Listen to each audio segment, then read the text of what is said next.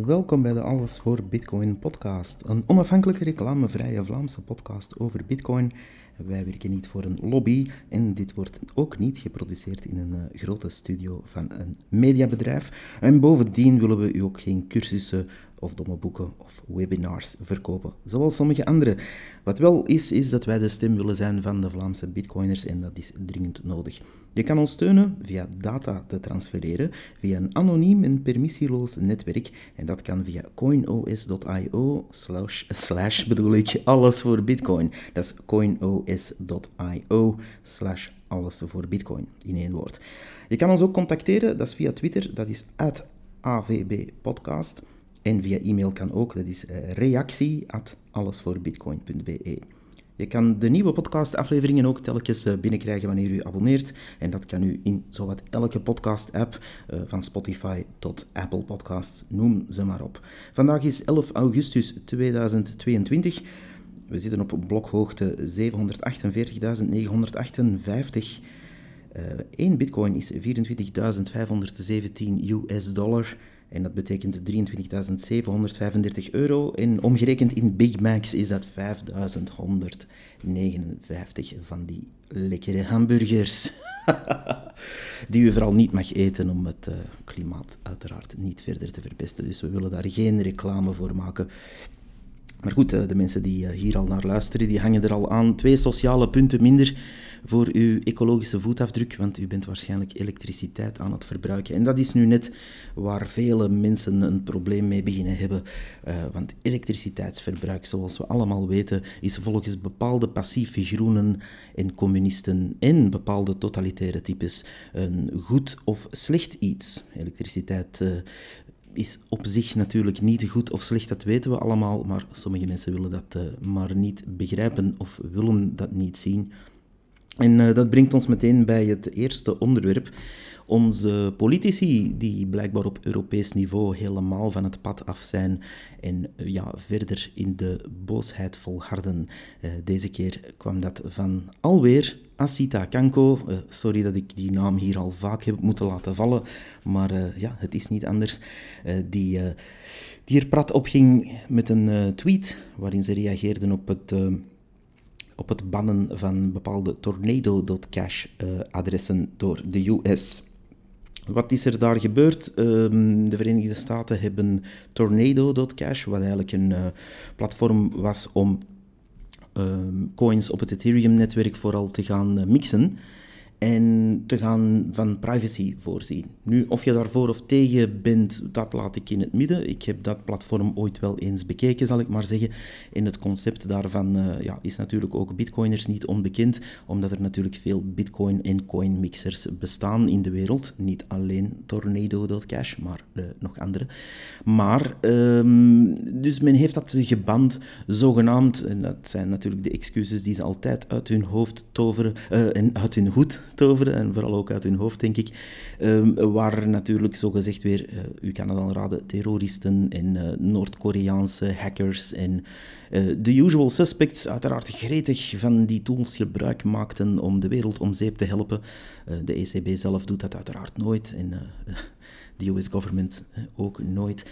Maar die, uh, die hebben dat dus in een ban geslagen en die ban bestaat uit het volgende. Men gaat eigenlijk de Ethereum-adressen die door zo'n service worden gebruikt, en het waren er een 200-tal, dacht ik, en men gaat die adressen die gebruikt worden lijsten en men gaat dan zeggen van kijk, we zetten die op de sanctions list van de Verenigde Staten, wat dus eigenlijk hetzelfde zou zijn dat, uh, ik zeg maar iets, het rekeningnummer van een of ander bekende terrorist uh, te gaan op de sanctielijst zetten. En uh, ja, wanneer u daar dan geld naar over zou schrijven, dan uh, staat u natuurlijk gevleigd als zijnde een slecht iemand. Nu, los daarvan is dat natuurlijk een vrij dom iets. En het is dan zeer dom om bijvoorbeeld Asita Kanko daarop te zien reageren met excellent als reactie. Want waar je eigenlijk dan voor aan het applaudisseren bent, is een nep maatregel tegen een probleem dat eigenlijk geen probleem is. In die zin uh, die adressen die worden gelijst en gevlaagd als zijnde slecht, dat is natuurlijk zeer eenzijdig gebeurd door de US, maar de rest van de wereld kan die adressen natuurlijk gewoon gebruiken en, en geen probleem mee hebben. Um, ik vermoed dat de Europese Unie snel zal volgen om zo'n fake ban ook uh, uh, ja, in te lassen. Maar wat leuker is, er zijn dus mensen begonnen met Ethereum, dus 0.1 Ethereum, die ehm, via die adressen is gepasseerd en die dus gevlagd staat als zijnde slecht geld, um, om die te gaan verspreiden over allerlei beroemdheden hun account en organisaties hun account. Met andere woorden, uh, ja, zowat iedereen heeft ondertussen wel van die uh, bezoedelde Ethereumetjes uh, in zijn account gekregen en je kan die ook niet weigeren. Dus um, ja... Uh, veel plezier ermee met die banlijst, want uh, ja, als je dan bekende rappers of politiekers of uh, organisaties moet gaan bannen allemaal, en NGO's ook, dan ja, veel plezier ermee zou ik zeggen. En dat is natuurlijk iets dat we eerder al hebben aangekaart bij het truckerprotest in Canada waar, ehm, waar men ook een gelijkaardige truc heeft geprobeerd om een aantal adressen van die truckers en de organisaties die hen steunden uh, te gaan uh, op een sanctielijst zetten. En waar er natuurlijk heel snel bleek dat dat allemaal niet zo eenvoudig is in de Bitcoin-wereld, zeker niet, maar ook niet in de Ethereum-wereld. En op dat punt wil ik toch wel even een uh, lans breken Um, we, kunnen als bitcoiners wel heel vaak zeggen, ja, Ethereum is de door uh, to all shitcoins en alle slechte projecten en noem maar op. Ja, het is proof of stake. We weten dat het een dodgy project is. Als bitcoiner weten we dat er uh, hier en daar wat aan rammelt. Het is achterin proof of stake als het er natuurlijk doorkomt. Maar um, ja, het is ook wel een... Uh, een, een, project waar we niet omheen kunnen dat het bestaat. En waar we toch ook wel even mogen kijken wat er daar gebeurt. Want wat daar gebeurt, kan ook wel eens bij Bitcoin uh, terechtkomen. En omgekeerd, wat er met Bitcoiners gebeurt, gebeurt soms ook in de Ethereum-wereld. Dus we mogen daar denk ik niet al te blind voor zijn. Want als men privacy aanvalt, uh, eender hoe, um, in het fiat-systeem, in Ethereum, in Bitcoin of wat dan ook, is dat voor ons allemaal een probleem. Dus ik zou zeggen, uh, let daarop, duik daar eens in wat er daar allemaal aan het gebeuren is, want het is eigenlijk niet zo mooi om te uh, zien. Um, in, in die zin um, ja, moet ik het zeggen? Het is eigenlijk gewoon ronduit gevaarlijk om te zien dat mensen die uh, verkozen zijn met nauwelijks 80.000 stemmen in Brussel, dat die op een stoeltje gezet worden in Europa en daar op random knopjes duwen om uh, communistische voorstellen, of totalitaire voorstellen moet ik zeggen, uh, te gaan mee goedkeuren. En ehm, ja, ik wijs hier vooral in de eerste plaats naar de partijen die dat soort mensen met zeer, zeer, zeer, zeer geringe kennis op die stoel zetten. En dan druk ik het nog zacht uit. Um, de, ja, iedereen die iets van crypto uh, in het algemeen kent, en nu gebruik je die term even zelf, uh, het gaat hier even niet alleen over bitcoin, maar uh, ja, heel de innovatie in de fintech-wereld zelfs. daarom moeten we zelfs nog niet naar crypto-projecten kijken. Die... Um, die mensen zijn echt gewoon hell-bent om alles kapot te krijgen en om het fiat-systeem als de enige gangbare en enige eh, ja, eh, bruikbare norm te gaan hanteren.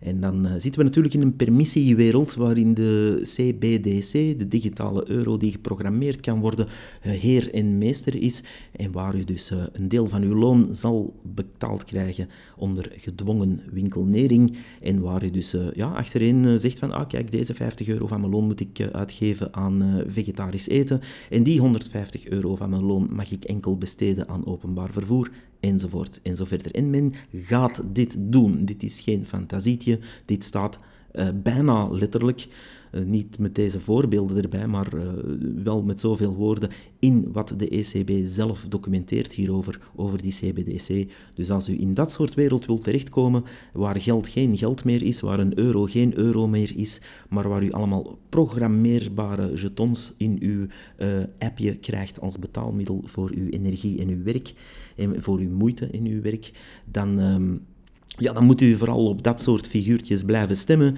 die op random knopjes duwen om uh, dat soort totalitaire voorstellen erdoor te duwen. Volg eerder, zou ik zeggen, het voorbeeld van Japan, waar men die CBDC, Programmable Coins, wou invoeren, waar men ook on track zet om dat daadwerkelijk te gaan uh, pushen naar de bevolking toe, en waar die bevolking gewoon heeft gezegd, nee, wij aanvaarden dit niet. En daar is een meerderheid voor gevonden, zelfs in het parlement, om heel dat boeltje af te voeren.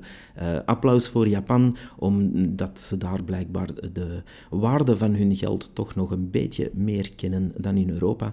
Ik hoop dat uh, hier ook de oogjes snel gaan opengaan want de tijd dringt. Uh, het klokje tikt. Tegen juli 2023 is het eerste prototype van die uh, diefstalcoin en die digitale euro die de grootste bank heist sinds de laatste 60 jaar gaat zijn, dan komt dat eraan. Volgende juli hangen we eraan en gaan onder andere uh, mensen die van een uitkering genieten of mensen die uh, voor de overheid of overheden werken, uh, die gaan daarin betaald worden. En dan, ja, dan is het spel op de wagen natuurlijk, want dan dan gaan we dat soort permissiecoins uh, in ons gezicht gegooid krijgen. Dus als u daartegen bent, laat u horen. Als u daartegen bent, stem niet op uh, politici die daar openlijk voor uitkomen om daar pro te zijn. Stem eerder op politici, en die zijn er niet veel, om uh, dat tegen te gaan houden of op zijn minst daar eens serieuze vragen bij te stellen en staalharde garanties te krijgen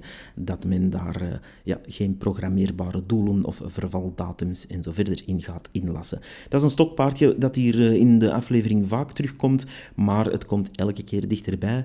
En ja, het hele debakkele met Tornado.cash laat nog maar eens zien hoe... Um, hoe gebrand bepaalde mensen binnen Europa zijn uh, om, uh, om dat soort maatregelen hier ook te nemen.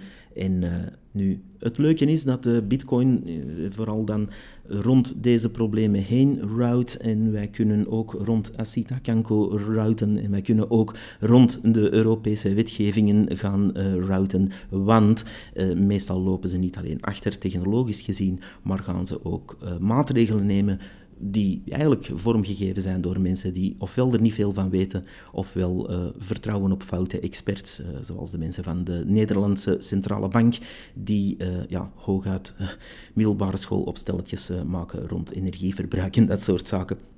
Dus uh, in ieder geval, Bitcoin is groener dan u. Ik schreef dat twee jaar geleden al in een uh, blogpost. En uh, dat kan je ook gewoon berekenen wanneer de gemiddelde groene, groene stroom die u verbruikt rond de ja, 25 à 30 procent zit voor onze energie. Dan zit Bitcoin vele malen hoger, rond de 60 tot zelfs 80 procent hier en daar groene stroom. Dus kom maar af met jullie uh, riedeltje dat bitcoin vervuilend is, dat bitcoin niet uh, draait op goede energie. Uh, ja, en dan gooi ik terug dat de Antwerpse haven rond de 25% groene energie verbruikt en verder vuile energie verbruikt. Dus gaat u dan heel de Antwerpse haven platleggen? Nee, natuurlijk. Een ander nieuwtje. Ehm, de mensen van Coin Corner op het eiland van Man, of de Isle of Man, hebben de Bolt Card die ze hebben uitgebracht. Dat is dat is een manier om lightning payments te doen via NFC. En um, ja, dat, dat, werkt eigenlijk zoals een gewone bankkaart. Als u uw uh, bankkaart van een uh, grote bank tegen zo'n bankcontactkastje houdt, dan uh, werkt dat op dezelfde manier. Alleen die Boldcard is natuurlijk onafhankelijk. Die gaat niet vasthangen aan een of andere bank of financieel instituut, maar gaat puur op Lightning werken. En uh, dat hebben ze nu open source gemaakt, dat systeem. Met andere woorden, de Boldcard is vanaf nu open source. Wat betekent dat we ja, doorheen Europa, en wereldwijd waarschijnlijk, gelijkaardige projecten gaan zien opduiken met services allerhande die uh, op die kaarten kunnen gaan draaien en die Lightning ja, daadwerkelijk naar uw bankkaart kunnen brengen. Um, ik heb uh, zelf zo'n bankkaartje gekocht puur om die mensen te steunen. Want natuurlijk hier in België kan je er nog nergens mee betalen. Uh, wel met Lightning natuurlijk, maar niet per se met de Boltcard, omdat er daar hier nog geen uh, point-of-sale systemen voor zijn. Maar ik ben er zeker van dat dat komt. En als er niemand het koopt, ja, dan gebeurt er helemaal niks. Dus um, steun die mensen, Coin Corner, want uh, het is nodig. Ik zie ook aansluitend meer mensen uh, in de horeca dan vooral in en rond Antwerpen die uh, ja, het uh, stikbeu zijn om ja, hun winsten te zien uitgehold worden door betaalterminals en point-of-sale systemen en die, die tussenliggende systemen, allemaal die middelmans en ehm, de, de sectoren die eigenlijk uh, daar heel erg hard door worden getroffen, die beginnen het wel uh, ja, heel beu te worden. Maar aan de andere kant um, zie ik ook dat er binnen de sector van die betalingen en, uh, ja, laat ons zeggen, winkelsystemen, om het breed te zeggen, dat er daar zeer weinig zin is om te innoveren. En um, dat, dat doet mij een beetje pijn eigenlijk om dan ja, bepaalde via-via discussies te horen dat men... Um, dat men er vooral van uitgaat dat uh, ja, er toch geen cash nodig is meer, uh, dat zwart geld toch nauwelijks bestaat bij winkels en horeca. en uh, dat er verder toch geen vraag is naar Lightning vanuit klanten toe. Dus dat hoor je dan allemaal passeren via via. En dan denk ik van ja, we zijn er nog ver af. innovatie gebeurt niet op die manier. wachten tot uw klanten iets vragen, dat is niet de manier om innovatie erdoor te rammen. Um, wat uiteraard um, een slechte aanpak is in het algemeen uh, in businesses, vind ik. Um, gezien er voor alles ook een vraag moet gecreëerd worden, of op zijn minst toch een enige opvoeding van de klant of informatie of educatie nodig is. Dat is zeer belangrijk. bijvoorbeeld uh, Coca-Cola-flesjes, die waren er destijds ook niet gekomen uh, uit, de, ja, uit de vraag van klanten, die allemaal gewoon waren, waren om drinkfonteintjes te zetten. Uh, dus uh, bijvoorbeeld grote winkels die zeiden, ah ja, ik zet hier een drinkfonteintje met uh, Coca-Cola. ja, die zijn niet naar Coca-Cola een brief gaan schrijven en zeggen, zeg, waarom doen jullie dat niet in flesjes? Dus dat is wel eh, degelijk op een andere manier gekomen. Dat is nu maar één voorbeeld, maar zo zijn er waarschijnlijk duizenden. Uh, wanneer je natuurlijk met Lightning Payments zit, waar je allerlei voordelen kan uh, belichten, dan is het zeer, zeer, zeer verbazend dat, dat daar niet opgesprongen wordt. Dus um, ja, ik, ik, praat vaak met mensen die winkel houden, of marktkramers, of wat dan ook, waar men met problemen zit. het, voorbeeld, het bekende voorbeeld van, ja, ik wil één pompelmoes kopen en ik zou graag met de bankkaart betalen. Uh, probeer dat maar eens op de markt. Uh, de mensen gaan niet happy zijn, want u bent eigenlijk uh, ja, aan het ja, verlies maken door een service te bieden. En dat is niet de bedoeling, dat is helemaal niet waarom mensen op de markt staan om iets te verkopen. Die staan daar ook maar om hun boterham te verdienen natuurlijk. Dus Lightning kan hiermee helpen. En het voordeel is, ja, als je het niet gebruikt, of als er toch niemand zou mee betalen, ja, dan kost het u ook geen abonnementskosten. Het kost u een heel, heel klein beetje moeite, maar nog altijd minder moeite dan een uh, betaalterminal te laten onderhouden en vooral minder geld. Dus uh, ik zou zeggen, kleine zelfstandigen en, en, klanten ook, blijf Lightning Network vragen. Blijf vragen of je daarmee kan betalen. En voor de kleine zelfstandigen zelf en misschien ook de horeca, u hebt niets te verliezen. U hebt geen abonnement te betalen. U hebt geen duur contract waar u twee, drie, vier jaar aan vasthangt. U hebt geen dure transactiekosten. U kan gewoon zelf beginnen. Binnen de twee à vijf minuten research bent u vertrokken. Als u zelfs die tijd niet hebt, uh, ja, dan is het wel zeer triestig gesteld. dus sommige mensen hebben wel s'avonds tijd om een uur naar een uh, fluitprogramma te kijken over uh, zatte mensen die op een eiland zitten en in een hangmat hangen. dus daar kijken ze wel een uur naar, maar ja, is vijf minuten steken of een kwartiertje steken in iets dat hen elke dag geld kan opbrengen of uitsparen, dat, ja, dat is er blijkbaar te veel aan. Dus get off your ass, zou ik zeggen, en ga eens even diep duiken in Lightning en hoe dat voor uw zaak kan werken. Um, als u op weg wilt geholpen, geholpen worden daarvoor, zie mijn aflevering 31 van deze podcast. Uh, dat is van vorige week. En daar, uh, daar ja, wordt u eigenlijk al op weg geholpen. En als u mij niet wil geloven, want ik heb natuurlijk een grote clownsneus op en ik weet van niks. Uh, dan kan u altijd terecht bij de mensen van de Belgian Bitcoin Embassy. Zoek die mensen maar eens op, die willen u ook altijd helpen. En als zij niet kunnen helpen, dan uh, is er nog altijd hun Telegram-groep waar u ook uh, de nodige hulp kan vinden. Maar in ieder geval zoek hulp daar rond, want al is er maar 2-3% van de mensen die met Lightning wil betalen, uh, u gaat er op vooruit gaan en u gaat tenminste niet een, uh, ja, een 5 tot 20% tot 100% op kleine bedragen van uw uh, winst zien verdwijnen in de zakken van Bankcontact Worldline of wie dan ook.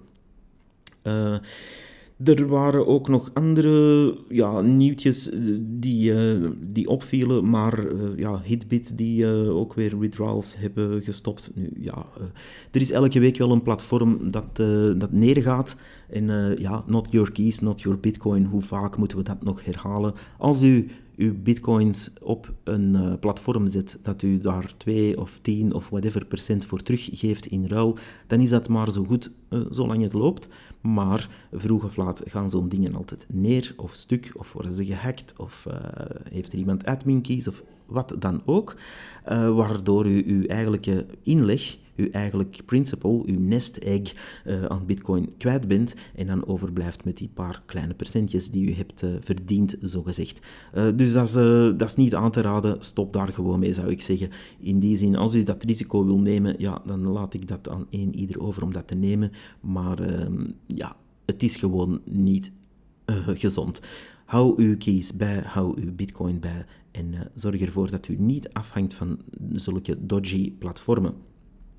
Um, Ethereum 2.0, want we mogen daar niet blind voor zijn. Uh, die push uh, blijft duren natuurlijk. We zien dat zowel de ECB en zelfs een exchange als Kraken uh, daar zelfs gewacht van beginnen maken van ah, proof of stake heeft toch voordelen enzovoort enzoverder. Ik wil daar even kort iets op zeggen, want dat is eigenlijk een verdoken aanval op bitcoin en daarom moeten we daarop reageren.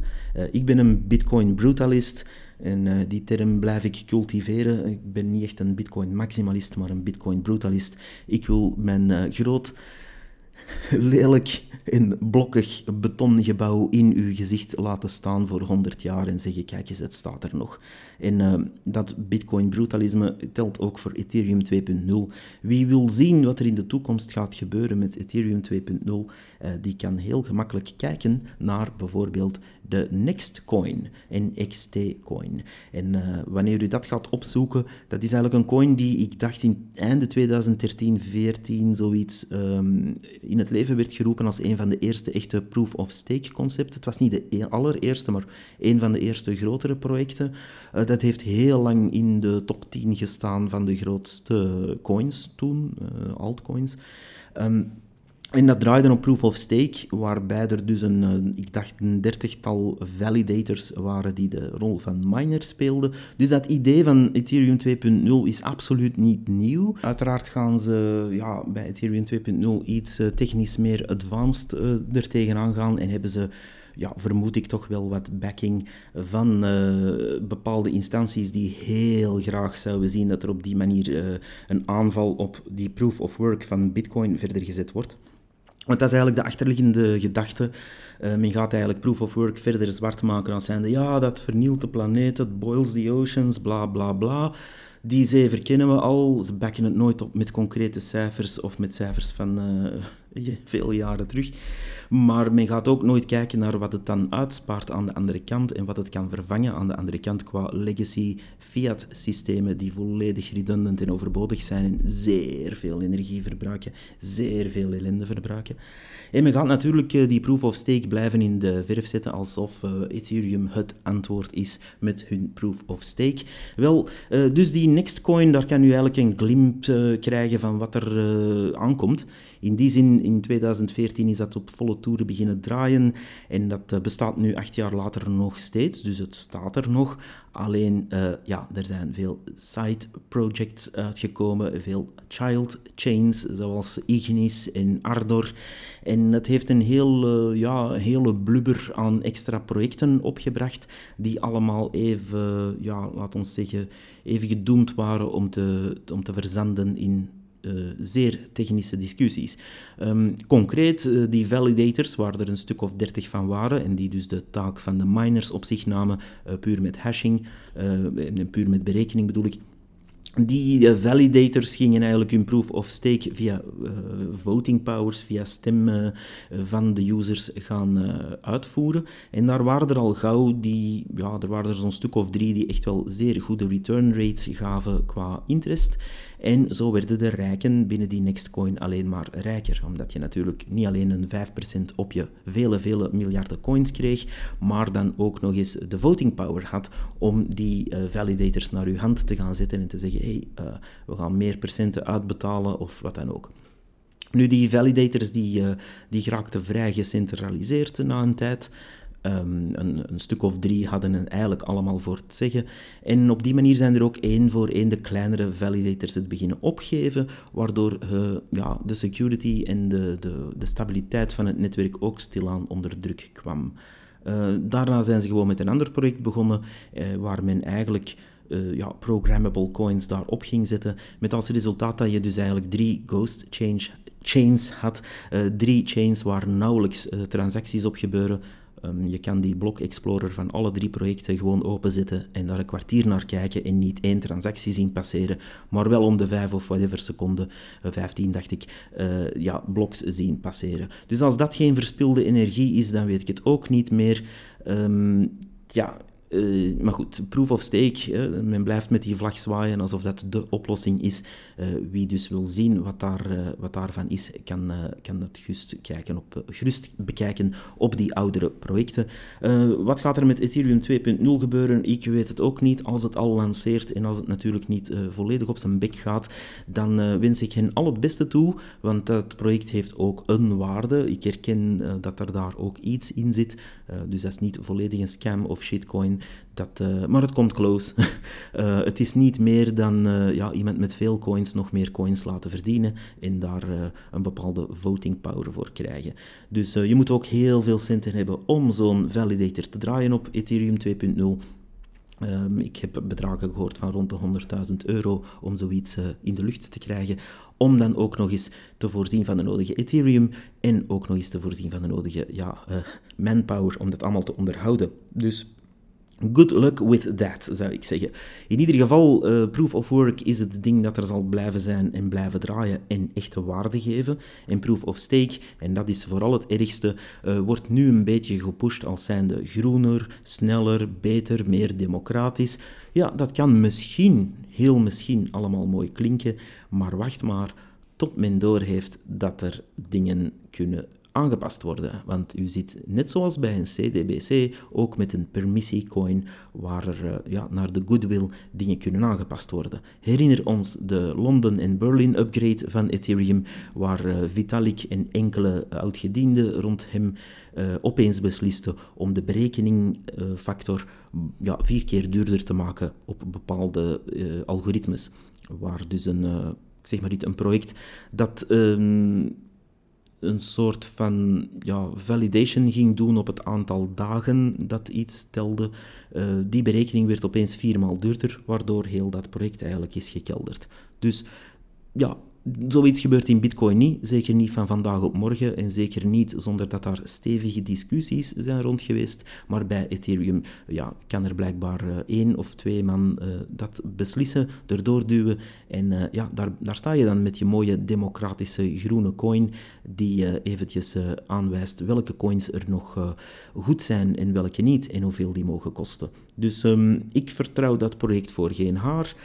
Ik heb er nul vertrouwen in dat dat zelfs binnen drie jaar nog zal bestaan, maar we zullen zien. Ik wens in ieder geval al het beste, want als Ethereum 2.0 draait en op zijn minst uh, echt democratisch wordt, dan zit daar wel iets in. Ik kan ook niet ontkennen dat daar technologisch wel uh, ja, leuke dingen zijn gebeurd en dat er daar uh, developers aan bezig zijn die ook wel iets kunnen. Dus we kunnen daar niet blind voor zijn, maar... Um, ja, we zullen zien wat daaruit uh, uitkomt. Ik zie het momenteel als vooral een, uh, een handige een handige publicatietool om uh, een aanval tegen Bitcoin in te zetten. Waarbij natuurlijk het verhaaltje zeer makkelijk erin gaat van, ah ja, maar Bitcoin dat is slecht, want dat verbruikt energie. En Ethereum 2.0, ja, dat is supergoed, want dat verbruikt minder energie. Maar ja, al de consequenties van proof of stake worden eigenlijk aan de kant geschoven en gesimpliceerd in enkele, ja, kinderlijke graphics waar men dan zegt van ja, proof of work, dat is zoals, uh, en dan tekent men drie mijnwerkers die in de grond zijn aan het uh, hakken.